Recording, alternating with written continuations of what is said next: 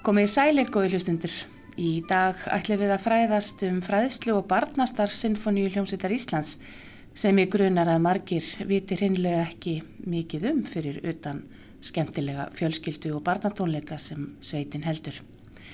En til þess að fræða okkur um þetta starf fekk ég þær Hjördísi Ástráðsdóttur fræðslustöru á hljómsveitarinnar Hallfríði Ólástóttur flautuleikara og höfund Maximus Musicus en Hallfríður hlaut á dögunum heiður sviðukenningu fósetta Íslands fyrir að bera hróður Íslands víða um heim og stuðla að jákvæðu umtali um land og þjóð. Og líka Hanna Halldóru Geirhastóttur, leikonu sem hefur verið kynir á fjölmörgum tónleikum sveitarinnar í rúman áratug og oftar en ekki í hlutverki trúðsins barburu. Ég byrjaði á því að spyrja Hjördísi Ástráðsdóttur út í starf hennar sem fræðslistjóra.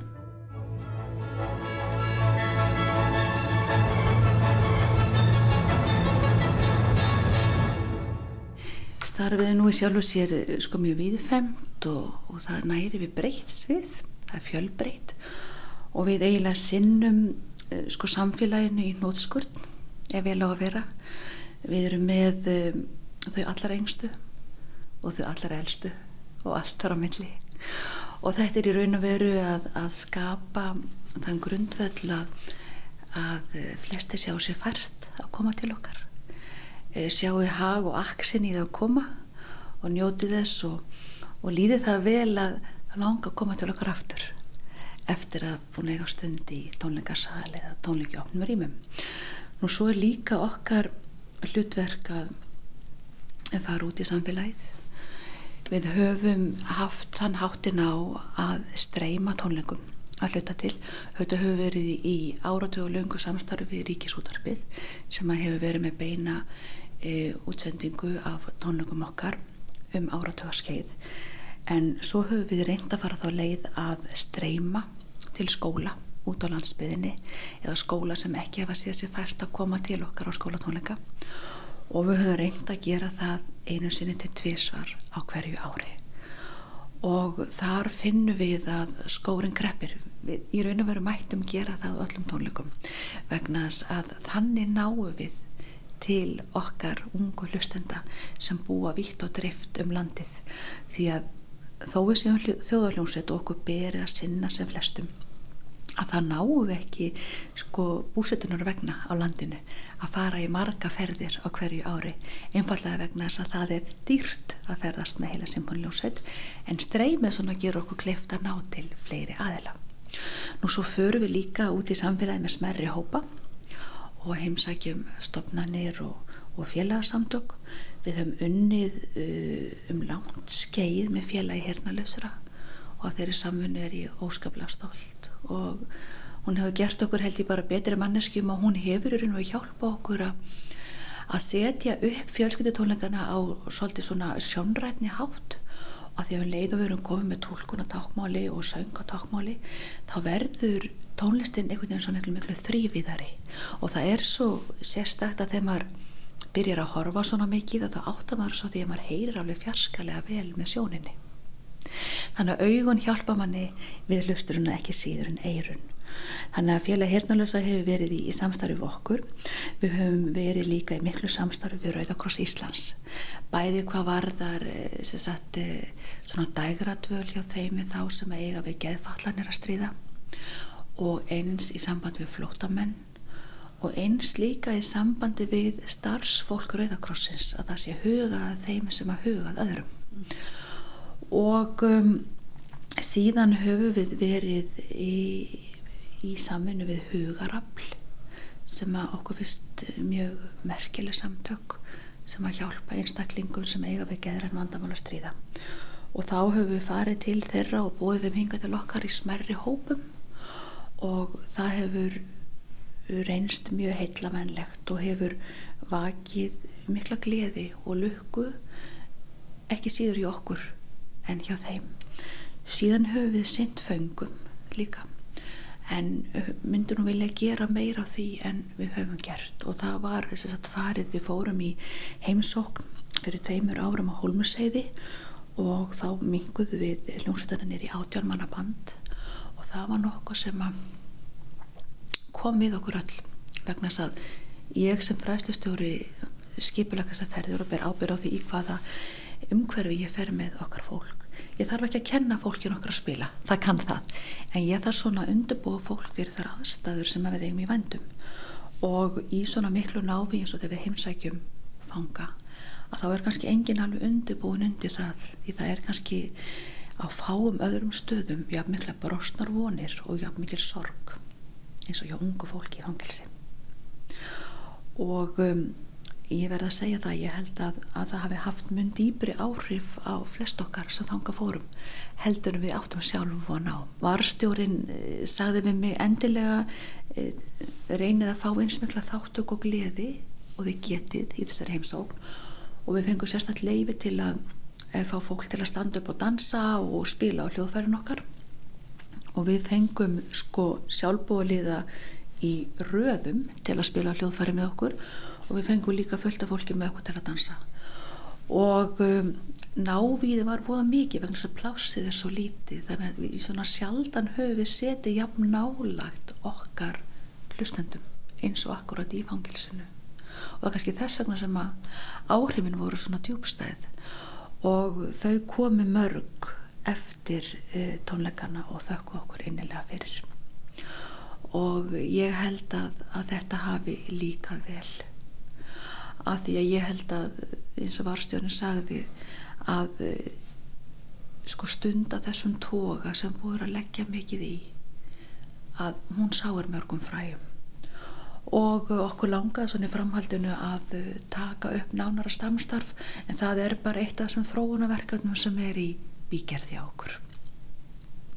Nú við erum alltaf í samstarfi við einhverja skóla hljómsveitir og við vorum í samstarfi við skólaljónsveit Árbæður Breitholtz, við vorum í samstarfi við skólaljónsveit Kópavóks og núna erum við í samstarfi við skólaljónsveit Östubæjar og þetta er alltaf alveg sérlægi ánægurett vegna sem við finnum það að skólaljónsveitina skil okkur svo miklu upp í ungsveitina. Þannig að við leggjum ríka áherslu á það samstarf og eins líka að vera alltaf með eitthvað þróunaverkefni í gangi. Við vorum með fyrir nokkur um árum vögguvísur sem voru þá svona fjölmenningatengdar og núna eru við að keira inn í eh, annað eh, verkefni sem er vonust til að verði þróunaverkefni og, og það eh, er þá tenging sko rithmískrar tónlistar við hinnar symfonísku og það verður eitthvað spennandi. Nú síðan eru við alltaf með eldurborgara hjá okkur að það er alltaf árvist og það er nú sjaldan jafn mikið gleði í húsi og þegar það góða fólk kemur til okkar og þau kom alltaf til okkar og loka efingum vínartónleikonum og það komast færri að þeim vilja. Mm. Þannig að við höfum svona viljað hugsa það samstarf svona á víðar, á víðar á grundvelli okkur tókstæði fyrra þegar við gáttum bóði eldurborgurum og loka efinguna á síðasta bæin í dalnum. Og margt af því fólki sá það þegar þau voru sína sokkapansárum og, og það var mikið gleði í húsinu. Og líka vegna þess að kvikmynda Fjalla Íslands náði því að koma með fyrir lokaæfingu um, sviðismunni úr myndinni sem var tilvoru þannig að fólki staldraði lengi við í húsi og, og skoðaði það. Nú svo erum við náttúrulega með litlu grútmónsunar okkar sem er kerrufólkið okkar og, og snuttufólkið okkar sem er kemur innan bandastundinnar og það eru það er ungdómurinn sem að kemur og um, þau koma þessar elskur og hlusta á hálf tíma að vandaðri tónlist e, fluttir í af symfóniljóstinni og við höfum verið með þetta í hörpuhotni Og hvers konar tónlist er leikin fyrir snutubönnin? Fyrir snutubönnin, það er, er, er klassisk tónlist, þjóðuleg tónlist og allt í bland til dægutónlistar en, en allt er þetta perlur hver á sinn hátt og þar hvetjum við alla til þess að láta velja en að vera algjörlega í fyrir rúmi það er bara að setja á gólfinu hver og einn kefur með sinn púða vill og teppi, svona verðarvoð. En, en manni finnst það svona notalegt og, og það er staðið upp og sungi og klappa en maður vill þá og þegar og, og það svo sem er, eru kannski hvergi jafn skemmtileg viðbröð eins og á þeim tónleikum og hérna við byrjuðum þetta í hörpuhorni og ákvaðum núna þegar við vorum að keira í áttunda vorið að færa þetta inn í Norðurljós. Og það líkaði svo vel að við ætlum að halda því áfram á næsta vetri. Af því að þetta var svona vegna vinsælda að snúast upp í andhverju sína að það var of mikið af fólki sem mætti. Þannig annarkvort var að fjölga barnastundunum koma þeim í annar rými eða hætta með þeir þannig að það sem þetta var svo vinsalt var ekki hægt að hætta með það. Þannig að við færðum okkur með hjálpúsins og fórum inn í Norðurljós og, og það bara tókst engar vel. Og þar náttúrulega er, er, er sá sem allir elska alltaf fastu gestur og, og það er Maximus Musicus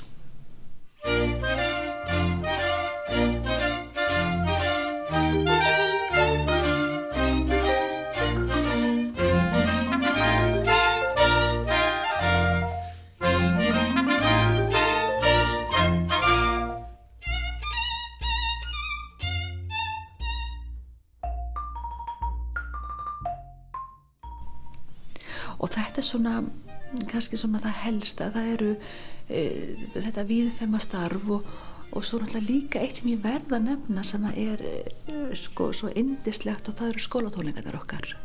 Og það samstarf sem við eigum við e, alla þá skóla sem að koma til okkar. Og við til dæmis e, í síðustu viku sko síðustu í síðustu viku pluss þrjá daga í þær síðustu þá fengu 7000 nefnendur til okkar. Og þá vorum við með annars vegar topp á tópuprógramið fyrir þau yngstu og því stremdu við. Og hins vegar nýtt íslenskt verk Strákin og slekkirið byggt á sögur og valstal eftir Jóhann G. Jóhannsson sem við vorum með frá þriðja upp í sjöndabæk þannig að við vorum með frá fjögur ára upp í 13 ára á þessum tíu dögum. Og það var bókað uppur í ár hjá okkur. Og það sýnir það að við eigum við eigum erindi við æskuna og við erum með rödd sem að heyrist.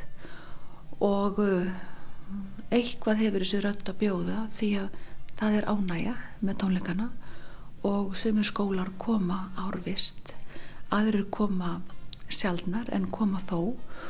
En þarna eru þetta skólar bundin af því að þeir búa við misgóðar aðstæður. Sömur eru í göngufæri aðri geta komið strætó þriðji hópurinn heila þarf að koma með rútu og þá er þá er svolítið mjög kostnaður fyrir e, skólana.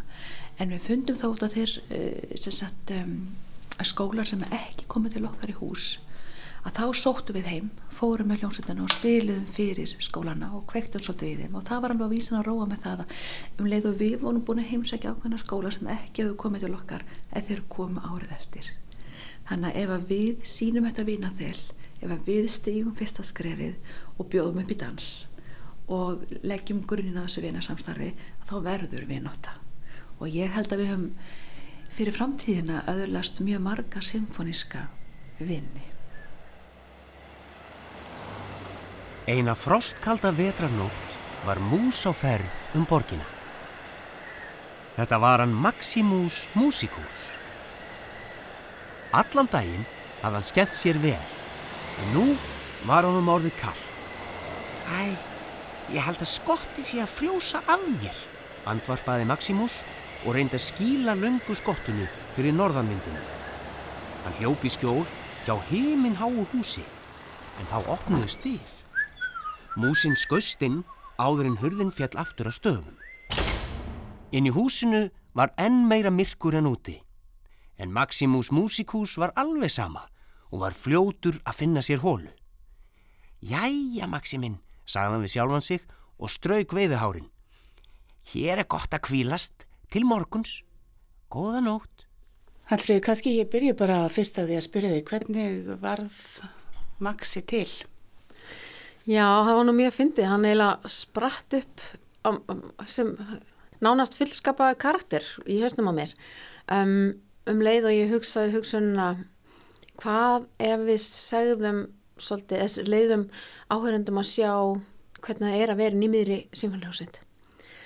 Því að það er náttúrulega alveg ótrúlega magna að vera inn í miðri simfélagsind og þegar ég upplifið það í fyrsta sinn þá gæti ég alltaf að spila það því að ég brosti svo mikið, mér ást þetta svo aðeinslegt þegar ég spilaði fyrst skipti í simfélagsind og uh, ég var bara allt inn og dætt mér hitt í hug hvað við hefum svona sögu að, að hérna, segja frá litlum karakter sem kemur inn á mitt svið og upplifir þessa dásanlega tónlist og verður náttúrulega yfir sér hrifin eins og allir sem að heyra þessa tónlist og en um leið fær líka pínu einsinn í hvað við erum að gera á sviðinu og hvað allt þetta fólk þarf að svona, hvað fólk er að bisa við eins og smíða fagott blöð og, og skrapa óbóblöð og, og hérna og stilla strengi bæði á hörpum og, og strengja hljóðfarum um, eins og bara það málblossar að blása svolítið í munstykki sitt fyrst á þannig að setja það á lúðurinn og, og, og, og þá er allt inn komið hljóðfari alls konar svona litli hluti sem er langað til þess að börn og fóröldar er að fengju einsinn í og líka allt þetta svona skrítna og skemmtilega sem að, sem að gerist í kringum hljóðfari mm. Og það fyrsta bókin var þá ekki bara um tónlistin, hún var líka um hljóðfari, meir um hljóðfarin Já, hljóðfarin og hljóðfarileikarna algjörlega. Mér langaði svolítið líka svona eh, gera sagt, eh, leifa áhrindum að fá eh, lesendum að, að fá pínu einsinn inn í bara mannleg heitina því að þú veist við erum öll manneskjur. Því að ég held að, að þessi stundum virki svolítið eins og pínu fjarlægt að sjá allt þetta fína fólk komin á svið uppljómað af miklum hérna, e, ljóskasturum og þetta er allt svo fínt og flott. Og svo er þetta samt bara mannskjur það er, var svona maður langaði svona að koma því einhvern veginn að. Þú veist svona En Maxi kom svolítið, afsaki ég kalla hann Maxa, hann, mm. hann heitir kalla, kallaði Maxi mm. Maximus Musicus mm. Maximus Musicus hann er, eru brottstafir yfir öllum sérhljóðunum nema, nema aðinu. Dælaugtali kallaður Maxi Já. en hérna hann kom svolítið á réttum tíma því það hafði kannski ekki mikið nýtt verið búið að búa til fyrir svona unga áherendur. Nei, það sko, sko þetta var svolítið fyndið, það var ekki þannig að ég sættist niður og ætlaði að búa til eitthvað, heldur bara eflaust var þetta eitthvað sem að var búið að matla í undir meðutundinni, þetta er eitthvað sem ég hef gríðalega áhuga á. Um, mér veist bönn vera bara besta fólk í heimi og mér finnst bækur líka það besta í heimi fyrir utan tónlist sem er líka besta í heimi, það er allt best. En um, þarna var ég búin að svolítið að spá í það? Hvernig barnatónlingarnir okkur væru og hvað virkaðu og hvað ekki og, og hafði mikinn áhuga á þessu. Svo allt í hennu bara kom þessi hugmynd og þá, já, vissulega var það sem var mikið nýtt hjá okkur var þetta að þegar ég var svo beðin um að, að gera þetta sér, tónleika hæft ekki bara sér, sögu í bók með, með diski heldur að væri tilbúið fyrir tónleika þá svona var ég ekkit alveg vissum að akkur þessi saga myndi virka fyrir en ég fattaði þetta að hafa bara myndirnar upp á skjá. Það var bara nýtt.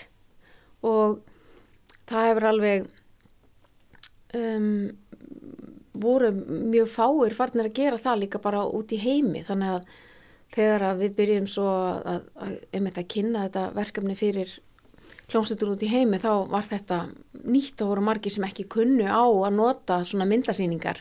Svo í dag er þetta gjör breytt það er bara mjög algengt að hafa myndasýningar og jáfnvel um, kvikaða myndir með, með hérna, tónlingum fyrir ungt fólk og, og börn. Hefur það aldrei komið í umræðina að búa bara til teiknimynd? Jú. það er kannski bara á borðinu? Nei, það var á borðinu mjög lengi. Það var, svona, það var fólk sem að vildi hérna gera teiknimyndir og það var svona um, verið að spá, þú veist, hvað að gera, hvernig og að, kannski vera sjónvarpserja og þú veist, þetta kemur alltaf upp af og til. Það hefur svona enginn alveg gripið þetta og farið í gang með það mm -hmm. en þá. Mm -hmm en uh, við vorum alveg búin að skrifa skrifa fyrstu 13 uh, þættina sko. Já já, er svona nokkur neginn allavega að leggja draugaði hvernig væri þetta að um, setja allavega fyrstu bókina í þáttaræðir þannig að það er nú til ef einhver vil hlaupa með það sko. Já, þú segir við að þú ert náttúrulega ekki alveg því að Þórarinn Baldursson ná náttúrulega kannski stóran þátt í sköpun karaktersins með, með myndunum sínum?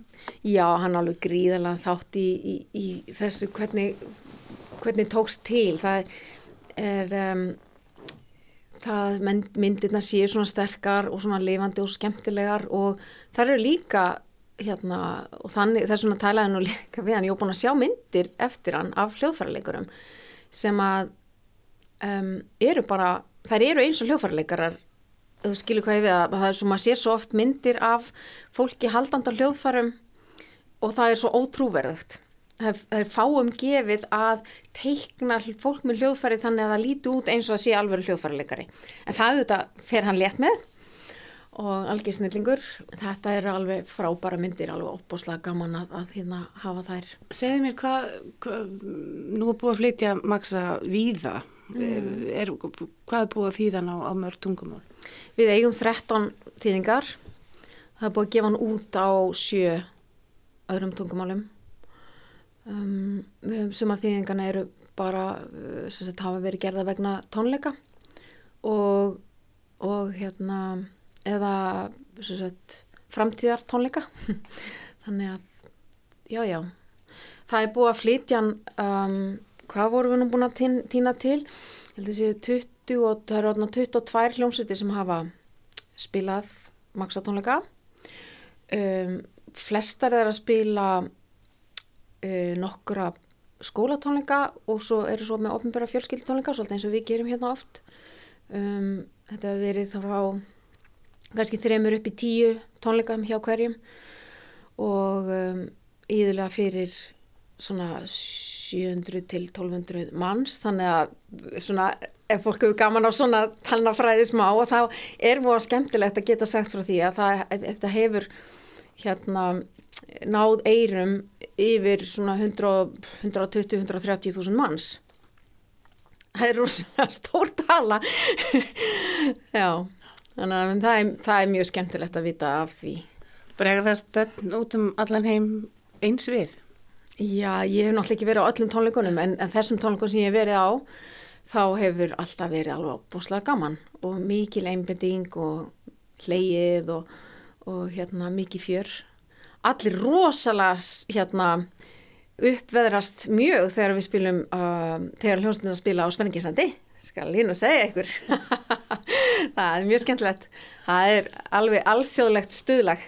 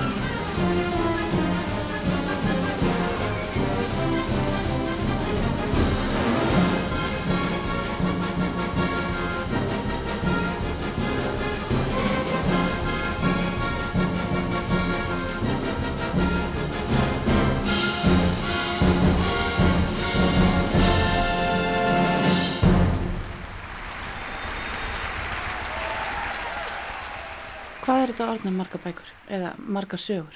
Þetta eru fimm sögur, já. Ertu hægt?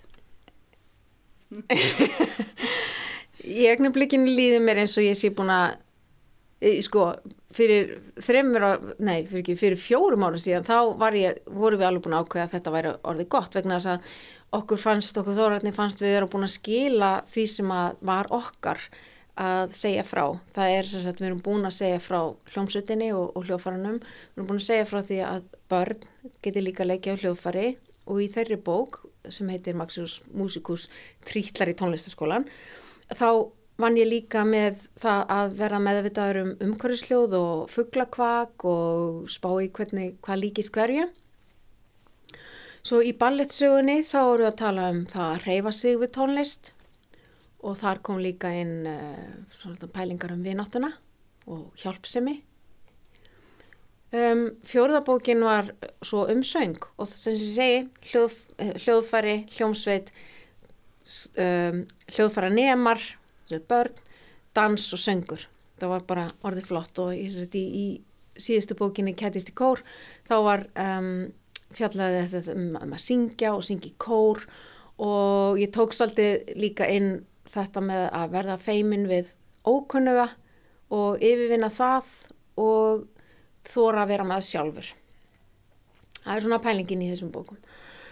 Og við vorum bara búin að sagt, sammálast um það, þetta væri bara auðgótt. En þá kom til þessi beðni og bara pöntur hennilega hjá okkur ný saga. Og uh, það var vegna þess að Daniel Bjarnason var búin að vera að vinna í Los Angeles með Fílamóni í sveitinni þar sem voru svona hrifin að hans verkum, þau pöntuði verk frá honum og báðan svo um að vera listrætt stjórnandi tónlistarháttíðar um, með íslenskri tónlist. Og þessi tónlistarháttíð hétt Reykjavík og var haldin fyrir tveimur án síðan í april 2017 í Los Angeles. Og það voru pöntu nokkur verk fyrir þessa háttíð og það voru svo sett Simuljónst Íslands og Los Angeles Philharmonic sem að pöntuðu bara hreinlega nýja sögu af okkur. Bara báðu nýja sögu því að þau sögðu bara alltaf gera nýtt í, í LA í Walt Disney Concert Hall, hvorki meirinni minna. Og, og ég hugsaði bara um, ég fyrst þagnaði nú í síman og, og hérna var ekki alveg vissum hvort að ég ætlaði að fara að eh, fara út í þetta. Þetta eru auðvitað gríðarlega vinna fyrir hvert og eitt verkefni.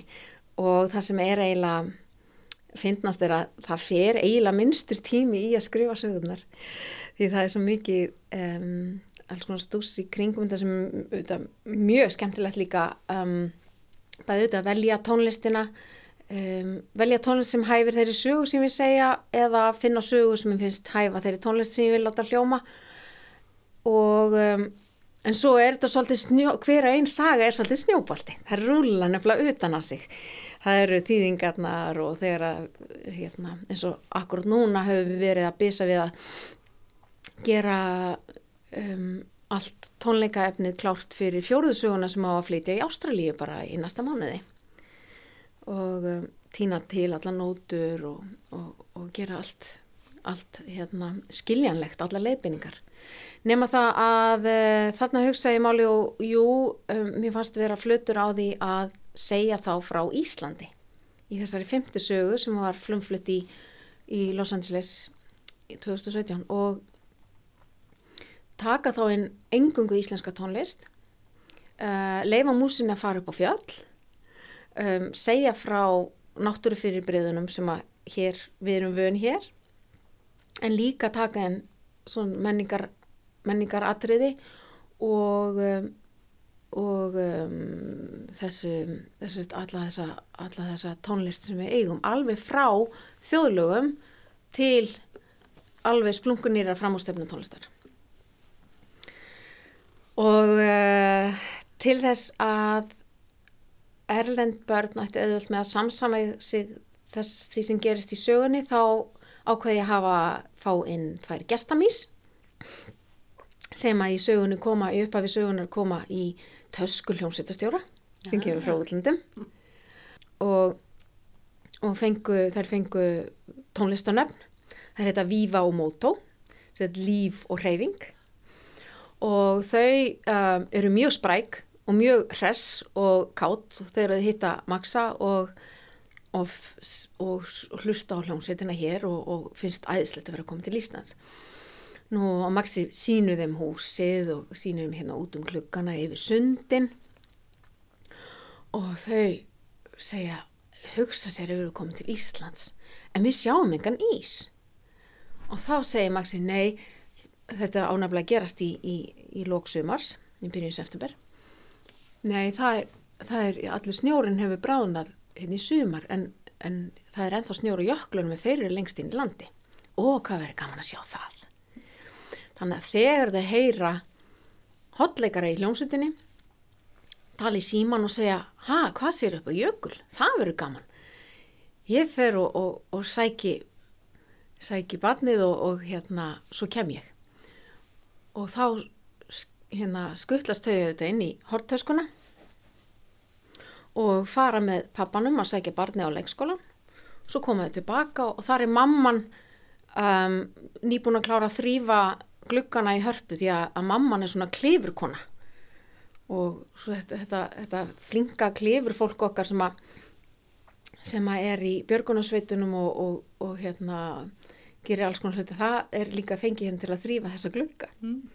þannig að þar tók ég inn til dæmis þetta með að, að þannig er mamma sem er ekki í gamaldags hlutverki og það er pappi sem fyrir að sækja barnið og það er líka á myndum, við höfum alltaf reynda að setja inn fólk með alls konar útlitt í myndirnar alls konar þjóðurnum og til dæmis veitni myndinni sem er hérna neðan af tjarnabrúni, þar er gamalt kalla að kera barnavagn og, og svo framvegis, þannig að svona við reynum að gera þetta þannig og gardi að allir geti samsama sig þessum sögum, að þessi öllum er bóðin með En allavega svo þau fara upp á jökul, þau fara í sjá eldgós, þau fara í sumabústað og heyra af og ömmu segja hérna, sögu frá gamla tímanum. Og um, þannig að það er, ég nota bæði, um, eins og segi, bæði splungunni að tónlist til þess að tólka hitt og þetta. Það er hérna, til dæmis brot úr rými eftir Annu Þorvalds sem er spilað meðan að þau fljúa yfir landið og nálgast jökulinn. Ísköld tónlist. Og það er hægt að spila hvað sem er fyrir börn. Það má bara ekki vera langt. Þannig að tvær mínútur af rými eftir Annu Þorvalds uh, tvær mínútur af Collider eftir Daniel Bjarnason í lokin uh, nokkra mínútur af hérna Storku eftir Haug Tómasson þegar eldgósið er í gangi. Þetta er allt saman um, virkar allt saman vel vegna þess að það er ekki á langt það er einhver saga eða bara erfa á setningar sem setja um, ímyndunarafni í gang. Og því að börn eru náttúrulega ekki með neina fordóma gagvart neitni tónlist. Og það er að spila hvaða tónlist sem er fyrir þau En þannig erum við líka sett með þjóðlaugin, alveg dásanlega þjóðlagsirpu sem að Gunstein Ólásson samti að þessu tilöfni um, og ímislegt tröllaslagur eftir Jón Áskisson og, og ég er örglega að, að gleyma einhverju en ímislegt þarna inni.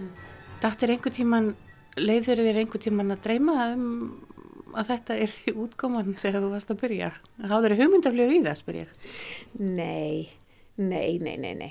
Um, í upphæfi væri nú bara að hugsa um sagt, bók með diski sem myndi og ég hafði, ég hafði allavega nægilega mikla trúaði til þess að, að fara út í þetta.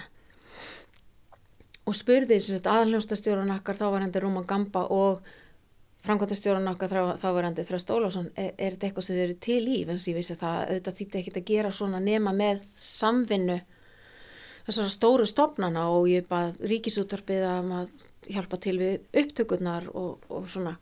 Um, það hefði ekkit verið á mínu færi að fjármagna svona, svona stórt og kostnæðasamt og flóki verkefni. Um, ég fjárm fann svo úr alls konar sjóður að styrki sem að við fengum um, hjálp frá til þess að vinna svo hljóð, hljóðritin og borga hitt og þetta borga sögumanni til að lesa upp og svo framvegs en um, Já, uh, hvort ég hugsaði um þetta? Nei, ég hugsaði ekki um uh, að þetta færi endilega út í heim fyrr en fyrstu tónleikarna voru haldnir.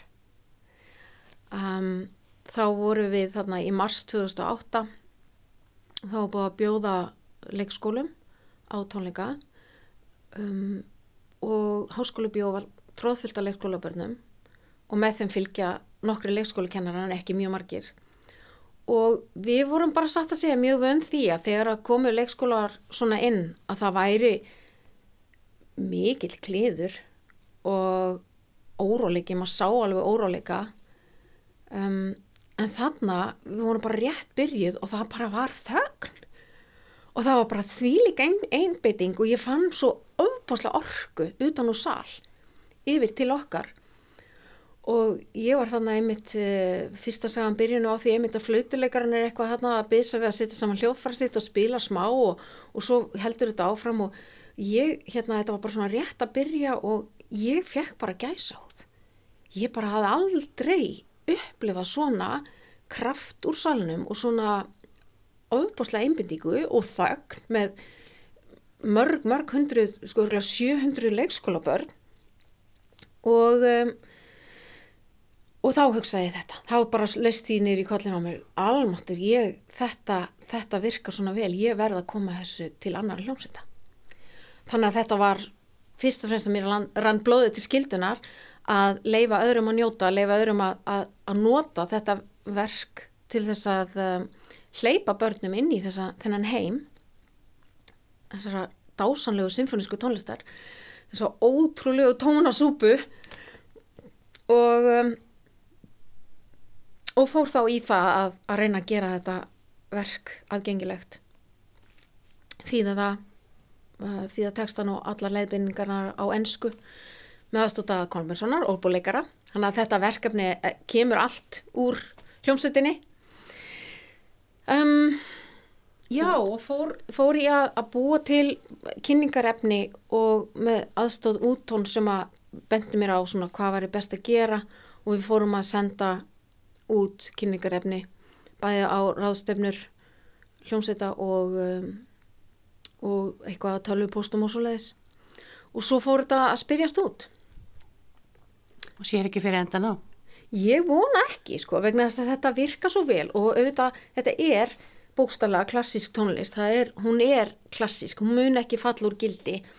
Það er umvel ekkert í sögunum sem að verður held í gamaldags eða já, gamalt. Fallir tónlist með bóðskap.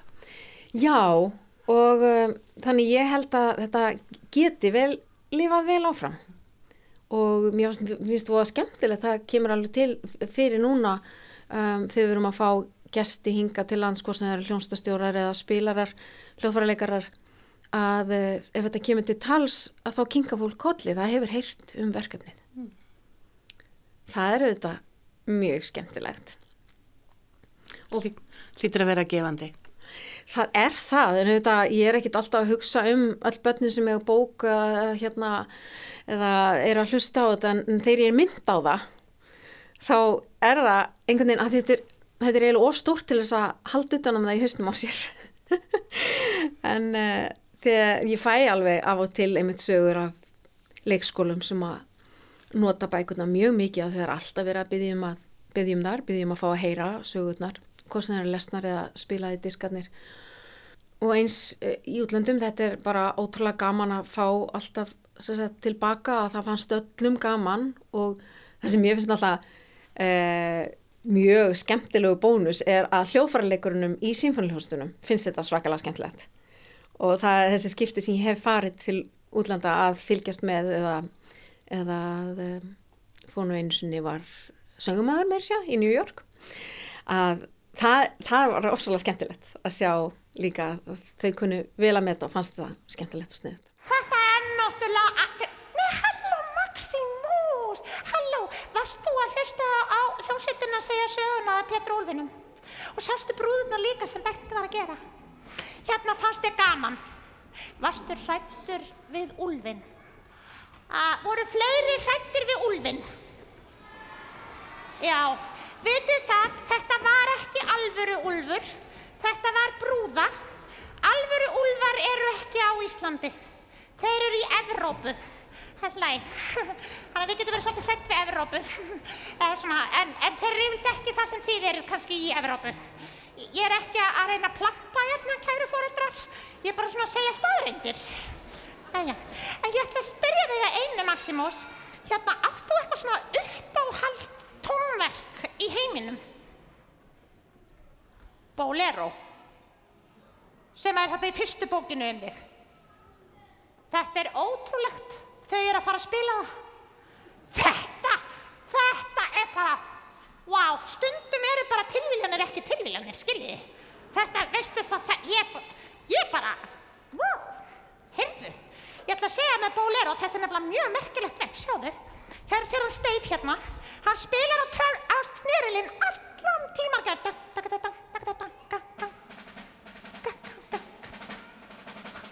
hann er að gera þetta allan tíman ég held að séu 5 mínútur krakkar. Það er rosalegt. Herðu, hann er eins og list sem heldur áfram. Þetta var náttúrulega uppálega dans þetta er samt eins og list og þau hinn, þau eru bara, mig vil vera með mig vil vera með? Og svo komaðu öll öllum borð með Steif og þau bara, ok Steif, við erum að fara að gera þetta. Svo er þetta bara meira og meira og meira og meira eiginlega algjört brjálaði. Og það veit svo skemmtilega til að í fyrsta skipti sem ekki var spilakrakkar, þá var kona sem kom til tónskálsins og sagði við tónskáldið, Herðu, ég verð bara að segja þetta tónverk sem þú varst að eh, leika fyrir okkur, það hljómar eins og bara algjört brjálaði. hún sagði það nefnilega brjálaði. Og veitir hvað tónskáldið sagði, ræðvel, hann sagði, Þá hefur mér tekist ætlunarverkið. hann vildi að við erum öll alveg geggja hrest þegar við erum að hlusta á þetta. Við ætlum að ljúka þessum tónleikum hér í dag með því að senda ykkur inn í svona bolero brjálæði. Við Maximus þakkum fyrir okkur og skiljum ykkur eftir í bolero brjálæði. Gjör svo vel. Barbara fættist í leiklistaskólanum sérst í uh, nefndaleikúsi á sínum tíma. Þá fengum við uh, guatemalískan leikstjóra eða mann sem heitir Mario González og hefur starfað í Fraklandi í 40 ár eða meira og vann meðal annars uh, með Arjan Múskin og í Teatur du Soleil og lék Hann leik Lulli held ég í kvikmyndinu Molière sem að uh, Sóla, hérna Tetur Soleil bjóð til og eitthvað svona. Þannig að hann var og Edda Backmann og Þórtúl Nýjus hefðu kynstónum, hann hafði komið hér með námskeið til Íslands og þau, Edda var, Backmann var umsjónakennarinn okkar. Og hún og Þór hjálpuð okkur að ná sambandi þarna út í Fraklands og fá þennan mann til að kenna okkur trúðtækni eða trúðstækni, eitthvað sem hann hafði svona svolítið þróað upp úr komendjátilarti og mér fannst svona eins og þegar ég kynnist honum og læri þessa tækni og gerum þarna, setjum upp síningu sem ég trúðar þá fannst, fann ég fyrst að skipti svona tón í leikús og hugsa já, svona já, og erindi í leikús það var einhver einlægni og einhver sannleikur sem hann kendi eða sem ég fekk aðganga að fannst mér í gegnum þetta fórum sem er það náttúrulega spuni og þú sækir það náttúrulega bara hvað í sjálfa þig. Já, eitthvað svona, eh, hann segir að trúðurinn sé sannleiks engill og uh, hann, hann leitast alltaf við að gera eins fallegt uh, og stórkoslegt og að mögulega sketur, fegur þér útgangspunktur í allt og svo, og þú æfir það og undirbýrð fegurð, svo setur á þig nefið og, og hérna, og svo gerist alltaf eitthvað. Og öll mistök eru gjafir frá Guði þannig að maður tekur mistökum fagnandi og endur tekur því jafnvel þrísvar til þess að undistrykka hvað er, hvað er ána með mistökin og hvað ég sé þakklátt fyrir mistökin. Já, þannig að ég tek þetta með mér þaðan. En sko spratt hún svona, svona nokkurn veginn svona full, full búinn fram eða þró, hefur hún þróast? hún kom nú nokkur hrein bara strax. Ég fann strax einhvern stað innra með mér sem fór fram það sem frelsi fyrir mig var að fara svona fram hjá hausnum og fara beint frá hjartanu og út í talfærin. Uh, svo uh, svo þetta þróaðist hún og við bergum er þess að prófum að gera splattersýningar þannig að leika okkur með svona rosalega uh, grótesku eða eitthvað, eitthvað ljótt inn í þessu fallega og við gerðum píslasögu Chris sem splatter en allt, útgangspunkturinn er alltaf fegurð en samt vorum við með gerfi blóð og havragraut og, sem átti að vera einhvers konar líkamslettur eða ég veit ekki hvað vorum að spá. En við allavega vorum svona leika sama, leika okkur saman að rannsaka þetta form eftir að við útskrifumst, ég og Berguþór mm. uh, við gerum þannig hérna döðasindirnar þegar við erum búin að vera þegar Gíóperana leikustjóri í átta ár þá er þetta svona síðasta verkefni hans eða verk hans er að leifa okkur að gera trúðasýningu sem var alltaf búin að lofa okkur að gera en fólk kannski hafði ekki alveg trú á að þetta væri eitthvað. Svo fengum við að gera þess að trúðasýningu sem úr því varð hérna döðasindirnar og þá kom Rafael Bianciotto sem var lærlingur líka Mariós eins og ég og Bergur. Hann kom á leikstýrið í að þetta var svona mikil, sam, mikil svona sammennu verkefni mm. uh, ég myndi að segja að hún hafi diffkað eða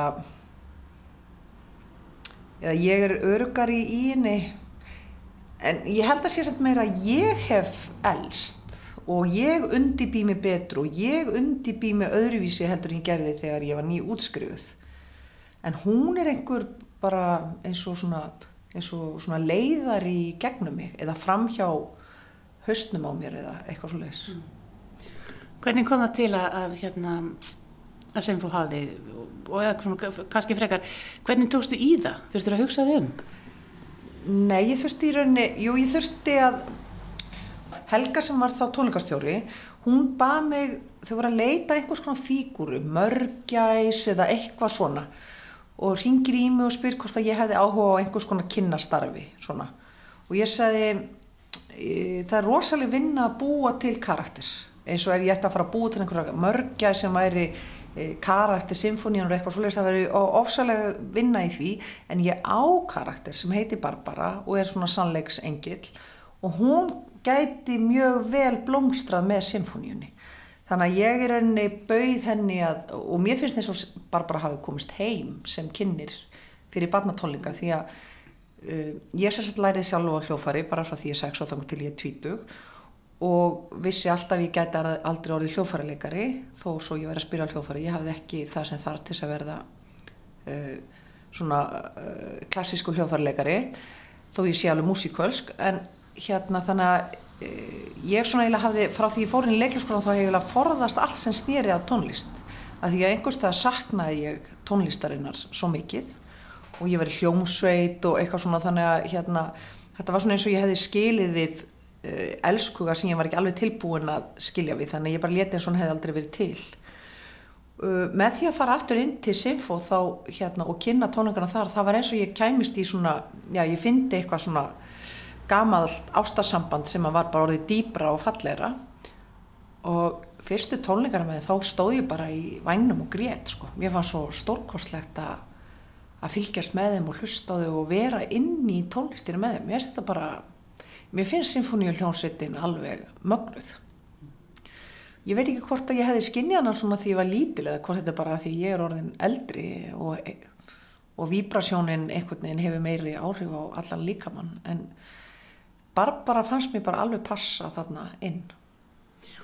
Og Barbara þarf náttúrulega svolítið að halda salnum já, á tánum eða þetta eru, þetta eru börn, hvað er þetta mörg börn, þetta eru 1500 börn á hverja síningu. Það er nú ekki auðvelt að vera með stóran sala börnum. Nei, uh, Ég lít þannig á að ég sé millist ekki milli barnana á hljómsveitarinnar þannig að mér finnst ég bæði þurfa að halda börnunum á tánum og hljómsveitinni. Þannig að ef að ég er með nokkra tónleika í rauð þá reyn ég í, eða þá er svona spennan sem ég reyna að búa til í kringum mig er að hljómsveitin viti aldrei alveg hverju ég get tekið upp á. Því þá eru þau jafn spennt og krakkarnir í salum. Því að þú ert með 1500 börn sem sitt í salunum og horfa hljómsveit sem leiðist það sem er að gera fyrir fram að þau. Akkur ættu börnin að hafa áhuga á því sem ég er að segja ef hljómsveitin hefur heldur ekki áhuga á því. Ég tók líka svona stefnu eins og ekki að segja ártöl eða titla eða, eða nöfn eða eitthvað sem barn getur ekki gripið heldur alltaf að reyna að segja eitthvað sem barnið hefur möguleika á að grípa og getur lifað með því og tengta við hljómsveitina.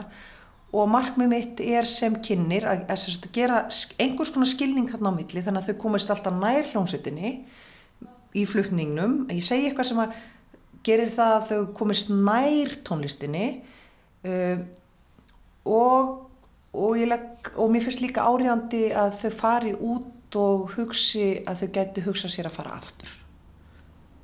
Það er svona mitt markmið. Og, en mér finnst, finnst ég þurfa uh, jafn mikið að tengja við börnin eins og hljómsveitina. Þannig ég upplifið mig ósynilega sérst ég bara reyna að vekja þau og líka vekja á, á uh, hérna, áhuga fullóna fólksæs Eru salin mis erfiðir þarna eins og í venjulegu leikúsi? Já, það getur verið bara bekkur sem mætir eins og þeir eru skólatólingar bekkur sem mætir klukkan uh, hálf tíu á mótni hann er öðruvísi heldur en bekkur sem mætir 11 þegar börnin sem mæta 9.30 þau hafa betri einbyttingu heldur en börnin sem mæta klukkan 11 Þau eru án svöng? Já, þau eru án svöng, já það er bara komið annað bara og þá reynir maður að gera svona láta andin um nefið og setjast í sætin og reyna að gera aktív. Og eftir að, hvað eru gömul, hvort ég lætu standa upp eða gera reyfinga með það er bara til þess að gera líka með þeirra aðeins aktívari þannig að eins og lengja úthaldi hjá þeim.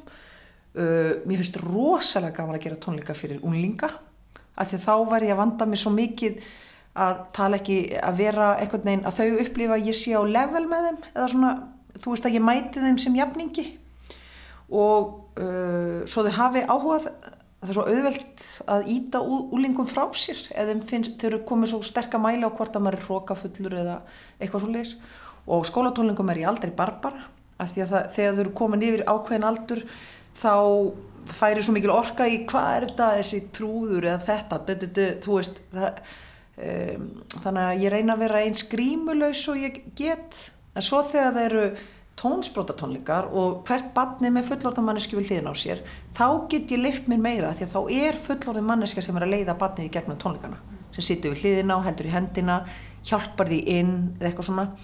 Þannig að ég, já, mér finnst mjög ól, ég undibý mig aðeins öðruvísi fyrir skólatónleika eða fyrir tónsbrótatónleika skilur hvað ég við? Hefur þetta dýfka skilning þinn á tónlistinni?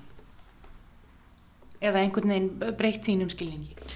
Já, ég á, þar stundum að kynna verk sem ég finnast rosalega leðileg. Þannig að ég, og ég tek þá afstuða því að ég, þó ég sé alveg upp í klassísku umferðið að hafi alltaf, eh, umhverju hafi alltaf lært klassíska tónlist sjálf, þá hef ég ekkert hlusta mikið á klassíska tónlist. Þannig að ég, mér finnst ég alltaf að vera eina af hlustendum. Sagt, ég er ekki sérfræðingur. Ég er amatör þegar kemur að því að hlusta á klassíska tónlist. Þannig að þegar mér finnst eitthvað óaðgengilegt þá bara hlusta ég aftur og aftur og reyna að finna likla fyrir mig þannig að mér finnst þetta stórkostlegt og svo reyni ég að aðfenda þá likla uh, börnunum. Þannig að já, ég nálgast þetta á svona barslega og ég hef náttúrulega lært rosalega mikið og lært að meta mjög margt sem ég hafði ekki farið svona, uh, svona djúft í áður. Hefur þið hitt einhvern svona, nú er þetta komið ansið mörg ár, hvað er þetta komið? Þetta er síðan að kynna jólatónleika í 12 ár. Hefur þið hitt einhvern, mm, kannski sem er núna orðin 22, sem hefur mann eftir að hafa farið á skólatónleika og heldur áfram að hlusta tónlist eða eitthvað sem að, svona, hefur, hefur breytt sín, talað um það? Ég hef kannski ekki fengið svo stórkoslega velun, en ég hef, ég hef hitt uh, börn og unglinga sem að hérna þegar þau vita að ég er Barbara þá svona fáðu svona, svona ljóma í augun og það eru meðlans krakkar sem hafa komið á marga jólatónleika, finnst það bara að vera hluta af jólaundibúningnum að mæta á, á það mm. þá og já ég fæ, ég fæ svona mikla endurgjöf sko en ekki svona það verður enginn fært mér sko Óskarinn fyrir þetta, ég hef ekki alveg fengið hann. En það væri eins og Óskar ef einhver segði þú breyttir afstöðu minni til klassískra tónlistar. En ég, ég ger ekki þá kröfu til mín að ég geti gert það sko. En að einhvern veginn að, að þetta rosalega kröftuga form sem klassíska tónlistin er að geta talaðana niður í meiri hverstagsleika og, og þannig að þau getur svo gengið leiðina aftur í áttina klassískri tónlistinni skilur þú hvað ég á við þannig að það er brúin sem ég er að reyna að gera svona, að þetta er ekki svona flókið en maður þarf samt að gefa sér tíma til að læra að meta klassiska tónlist. Er þetta ekki bara nöðsilegt fyrir alla að fara á svona trúðanámskeið og finna fegurðina í öllu og í sjálfum sér? Jú, ég held að allir hefur mjög gott að því því trúðurinn er sagt, að fagna mistökum og gleyðjast í þeim og undistrykka uh, hérna, gjöfina í því að fá að sjá hvað átti ekki að gera. Það væri stórkostlegt. Hugsaði til þess að alþingi og fólk bara, þú veist bara þetta var nú svolítið skilur þau, þú veist eins og klaustursmáli til dæmis mm. þeir, ég ætla nú ekki að fara út í þetta uh, já, eitt sem einn trúðaregla er að alltaf að tellja upp á þremur áður þú svarar og það er í rauninni andadráttur það er bara, þú spyrir með spurningar og svo mm. þá kemur annað svar heldur en að þú höfði svarað um leið þá er eins og, eins og spurningina hafi farið í gegnum allt kerfi líkamanns Ég held að það sé til dæmis mjög góð trúðaregla. Annað er að glenna upp augun og það, það sem gerist þegar þú glennir upp augun er að þá kemur bæði svona, það er hissatilfinning sem kemur með því, það er pingu svona óttatilfinning hvað er að fara að gerast, en það er líka forvitni. Og þetta er allt einhvern veginn á sama stað, þú opnar hjartað í þessu öllu, þú ert að lesa með líkamannum og ég held að ef að til dæmis 70 manna hljómsett kynni þessa trúðareglu og væri alltaf með þann þá afstöðu til kynnisins eða, eða til barnana í salnum þá held ég að salunum myndi líka speilfrumur allra sem sæti í salnum myndi líka bara oh, glennast upp og það er eitthvað stórkoslegt að fara að gerast. Það er eitthvað stórkoslegt að fara að gerast. Það er náttúrulega geggjað ef að þau myndi gera það. Ég ætti kannski að taka þau á trúðnámski hljósitina hvernig væri það? Já, hvernig væri það? það væri geggjað Já, á þessum orðum Haldur Geirastóttur líkur þættinum í dag. Ég þakka henni Hallfríði Ólástóttur og Hjördísi Ástráðstóttur fyrir spjallið. Þanga til næst hafið það sem allra best.